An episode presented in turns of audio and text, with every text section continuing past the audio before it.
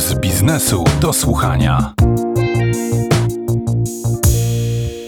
Myślenie ponad liczeniem, przekonuje Michał Dybuła i tym samym tropem podążają badacze, którzy zajmują się obserwacją gospodarki z innego punktu niż tylko stricte bankowy. Również oni dostrzegają mankamenty klasycznych wskaźników opisujących gospodarkę, takich jak produkt krajowy brutto, zatrudnienie itd., tak które co prawda są porównywalne, ale nie brak im wad związanych z tym, jak są obliczane i w związku z tym pojawia się również pewna wątpliwość na temat tego, jak bardzo mają one związek z faktyczną koniunkturą, a na ile z efektem widniejącym tylko na papierze. Z tym problemem na co dzień mierzy się Piotr Arak, dyrektor Polskiego Instytutu Ekonomicznego.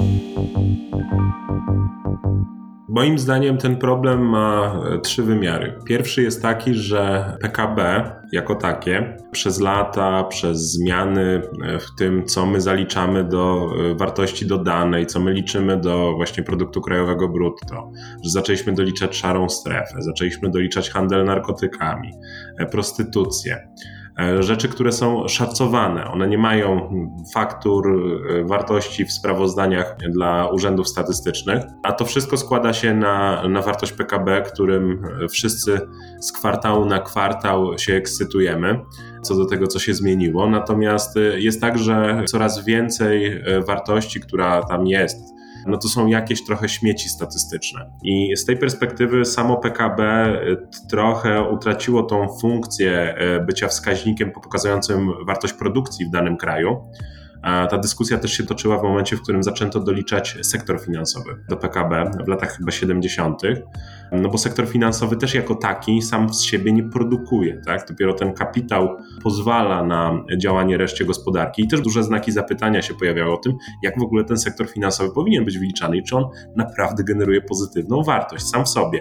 W tym wskaźniku syntetycznym, który sobie wymyślono po kryzysie z 1929 roku. To jest pierwszy problem. Drugi to jest to, że jeżeli przyjmujemy nawet PKB takie, jakie jest, no to ono nie ma wszystkich innych tych wymiarów, które e, my określamy za ważne. Poczucia bezpieczeństwa, szczęścia, jakości środowiska, zanieczyszczenia powietrza, wielu różnych rzeczy, które stały się dla społeczeństw, zwłaszcza Europy Zachodniej i państw rozwiniętych, dużo ważniejsze niż sama wartość dodana generowana w gospodarce, co wynika po prostu z etapu rozwoju. Z drugiej strony, w krajach mniej rozwiniętych wiele wskaźników zdrowotnych, właśnie szczęścia, powiązań międzyrodzinnych, zaufania jest wyższa czasem niż w państwach nawet wyżej w rankingu PKB, co też nie jest odzwierciedlone w czystej miarze ekonomicznej. Stąd ta dyskusja, która już się toczy przeszło 30 lat o tym, czym powinniśmy mierzyć y, poziom postępu społecznego, rozwoju społecznego, rozwoju społeczno-gospodarczego i wiele różnych teorii, do których dołączył w ostatnich latach zrównoważony rozwój jako kategoria, którą się posługuje ONZ. No i mamy y, cele zrównoważonego rozwoju globalne do 2030 roku, jest ich 17. Ileś wskaźników, w których możemy mierzyć postępy realizacji tych celów przez poszczególne kraje, agendy ONZ-owskie, komercyjne, które jeszcze pomagają nam to mierzyć, a także przedsięwzięcia takie jak nasze, czyli stworzenia indeksu y, odpowiedzialnego rozwoju albo innych miar syntetycznych, które obok PKB mogą być wykorzystywane jako taka miara pomocnicza, pokazująca, czy zmierzamy w dobrym kierunku, czy jakieś kryteria, które my uznamy za ważne, a u nas uznał zespół makroekonomii jako istotne dla, dla rozwoju Polski, y, spełniamy. No każdy kraj w ramach Unii Europejskiej może coś takiego zaproponować. Unia Europejska też w postaci Eurostatu y, ma swój zestaw wskaźników. OECD ma Better Life Index. Z tego istnienia tak wielu różnych mierników niestety pojawia się chaos i często trudno skoncentrować się na jednym, tak, czymś, co my uznamy. I wydaje mi się, że w perspektywie kilku lat może uda nam się stworzyć jakąś zunifikowaną miarę, która obok PKB będzie wykorzystywana przez poszczególne kraje. Grzegorz Kołotko na przykład rekomenduje y, i po publikacji już drugi raz tego indeksu odpowiedzialnego rozwoju zachęca nas do tego, żeby Polskie Ministerstwo Finansów obok y, wskaźnika PKB używało naszego indeksu jako jednego ze wskaźników pokazujących istotne kategorie postępu rozwoju, a nie tylko kryteria związane z deficytem, bezrobociem, y, etc. Tak, żeby dodali ten nasz e, wskaźnik. Z czego wynika w takim razie Twoim zdaniem to, że jednak trzymamy się cały czas tych samych miar porównawczych, mimo tego, że wysiłki, o których mówisz, no, już są z nami, z środowiskiem naukowym od jakiegoś czasu, cały czas jednak to PKB dyktuje pozycję danego kraju na danym świecie, to właśnie wskaźniki na rynku pracy czy handlu zagranicznego stanowią o tym, jak postrzegane są właśnie sytuacje na przykład pracowników, czy pozycja danego kraju w e, międzynarodowym układzie sił, jeżeli chodzi o globalizację. Z czego wynika, że te tradycyjne mierniki trzymają się mocno? Z tego, że są po prostu tradycyjne. No, z natury rzeczy wszyscy jesteśmy konserwatywni i nie lubimy zmiany i wolimy posługiwać się kategoriami, które doskonale rozumiemy albo żeśmy poznali na studiach, a potem wykorzystywali przez wiele lat. Po drugie, no jednak pamiętajmy, że żyjemy w świecie. A nie chodzi o porównywalność danych, że jednak to jest coś, co mierzy się w ten sam sposób w wielu krajach, a może nie w ten sam, ale w zbliżony. I to stanowi o sile tych wskaźników? Porównywalność, ale druga rzecz, do której chciałem powiedzieć, to jest to, że to jest, przekłada się na pieniądze. No, jednak żyjemy w świecie, w którym e, pieniądz jest jednym z podstawowych i najważniejszych elementów. Jak sobie ekonomia stała się królową nauk, tak, po latach 50., wtedy kiedy ekonomiści stali się też gwiazdami medialnymi, to powoduje, że wszystkie wartości, które jesteśmy w stanie zamienić na wartość finansową, na przeliczyć na międzynarodowe dolary i przesuwać w czasie tą wartość pieniężną, E, są bardziej pożądane, no bo w świecie finansjery, agencji ratingowych, no to wartość zadłużenia danego państwa, rentowność obligacji to są kryteria, które są najważniejsze. W przypadku banku stopy procentowe, które przekładają się bezpośrednio na pieniądze. Bardzo trudno znaleźć bezpośredni jeden do jednego związek statystyczny pomiędzy, nie wiem, oczekiwaną długością życia, a wynikami finansowymi danego państwa, na przykład, czy prosperity gospodarczym. To jest ten dosyć duży problem, że to nie są rzeczy, które się w bezpośredni sposób E, przekładają i że jesteśmy w stanie powiedzieć, że jak ktoś będzie o rok dłużej żył, no to na pewno wygeneruje, nie wiem, tyle wartości dodanej dla gospodarki więcej, etc., etc. To jest duży problem z tym. To znaczy, że my nie jesteśmy w stanie w naszym sfinansalizowanym, skoncentrowanym na finansach e, świecie, nie jesteśmy w stanie e, skoncentrować się czasem na trochę innych rzeczach. No i e, podstawowa rzecz, wskaźniki syntetyczne, jak powstają, no to one nie mają właśnie wartości dolarowej. One mają jakąś wartość, nie wiem, 85%, 85 punktów albo 70 punktów. Co to znaczy? Jak to przetłumaczyć temu przeciętnemu Kowalskiemu, który chociaż jak usłyszy o tym, że wskaźnik PKB wzrósł o 5%, no to nie wie ile to PKB wynosi, no ale ono wzrosło o 5% i to wszyscy mówią, że dobrze. Nigdy nie koncentrujemy się na konkretnych wartościach też dolarowych czy złotych, ile wynosiła zmiana PKB rok do roku, no ale ten procent jest dla nas najważniejszy. No i podobnie jest trochę z tymi wskaźnikami. Nie nauczyliśmy się jeszcze trochę o nich opowiadać tak e, szerszej publiczności, oprócz miejsca w rankingu danego kraju, czyli czy ono jest 32, 33 czy 34 i awansowało w perspektywie dwóch lat. Ta zmiana rok do roku jest dosyć e, problematyczna we wszystkich tych wskaźnikach syntetycznych, po to, żebyśmy częściej mogli z nich korzystać. Zapytam Cię jeszcze o jakość danych, bo w publikacjach Waszych e, posiłkujecie się danymi, które są zbierane przez statystykę publiczną i no, gdzie ucha nie przyłożyć, to zawsze gdzieś lekkie narzekania na tą statystykę publiczną gdzieś da się usłyszeć.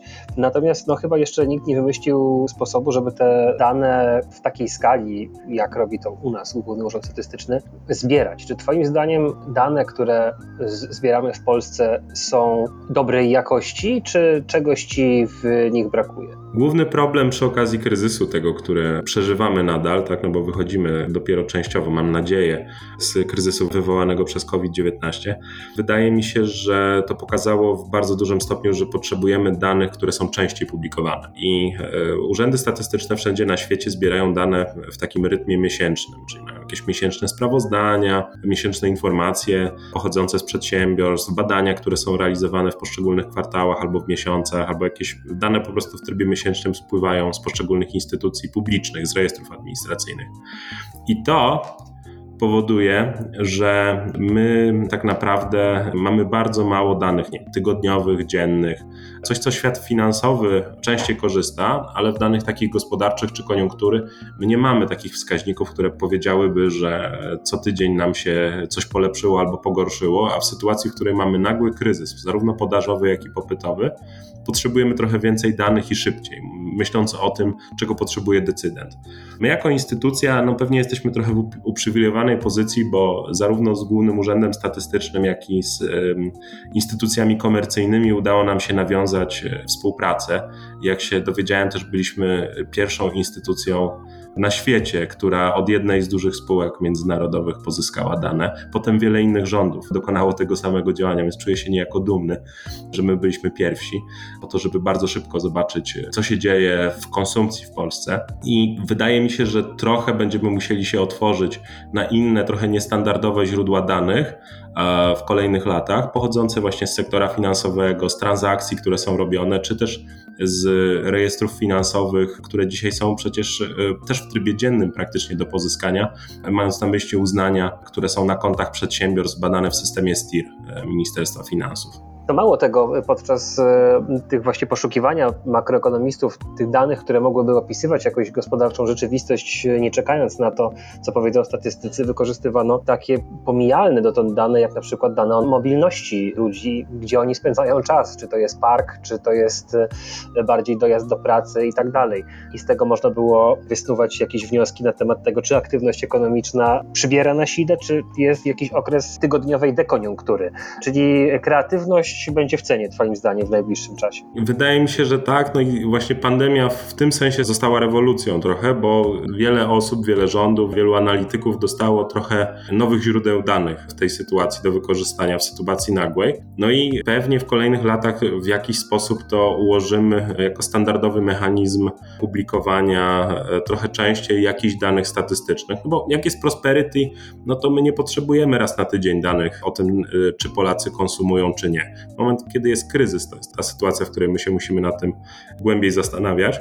Natomiast wydaje mi się, że te nowe źródła informacji pochodzących właśnie z transakcji czy z systemów informatycznych e, różnych e, ministerstw będą raczej czymś, co zagości w statystyce publicznej. Same główne urzędy statystyczne, bo problem z jakością danych statystycznych nie dotyka tylko Polski. To jest problem europejski. Statystyka publiczna też jest konserwatywna, nie lubi zmian, bo to niszczy porównywalność danych wstecz albo wymaga przeszacowania. W ogóle nas czeka za jakiś czas, jak widziałem, przeszacowanie wartości PKB do tyłu przez Główny Urząd Statystyczny, bo będzie rewidował e, poprzednie e, wartości.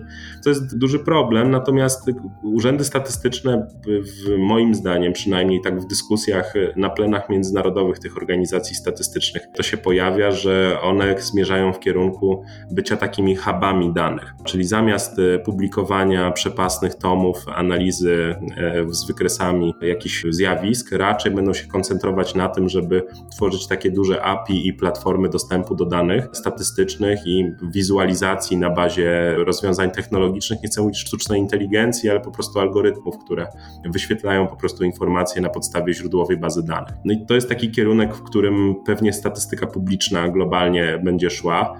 Najpewniej też w perspektywie, nie wiem, może kolejnej dekady będzie jeden z krajów na świecie, może Singapur albo jakieś inne małe państwo, które e, zrezygnuje ze spisów powszechnych i zacznie je realizować po prostu w trybie analizy big data pochodzącej z właśnie sektora finansowego, pochodzącej z e, rejestrów administracyjnych, no bo one mają wszystkie te dane, które normalnie w spisie powszechnym byśmy chcieli zebrać. Bardzo dziękuję za rozmowę. Piotr Arak, dyrektor Polskiego Instytutu Ekonomicznego, był gościem Pulsu Biznesu do Słuchania, no ale za chwilę oddamy głos statystyce publicznej, żeby mogła się odnieść do tych naszych przemyśleń, właściwie do przemyśleń Piotra Araka. Dziękuję bardzo za rozmowę. Dzięki bardzo.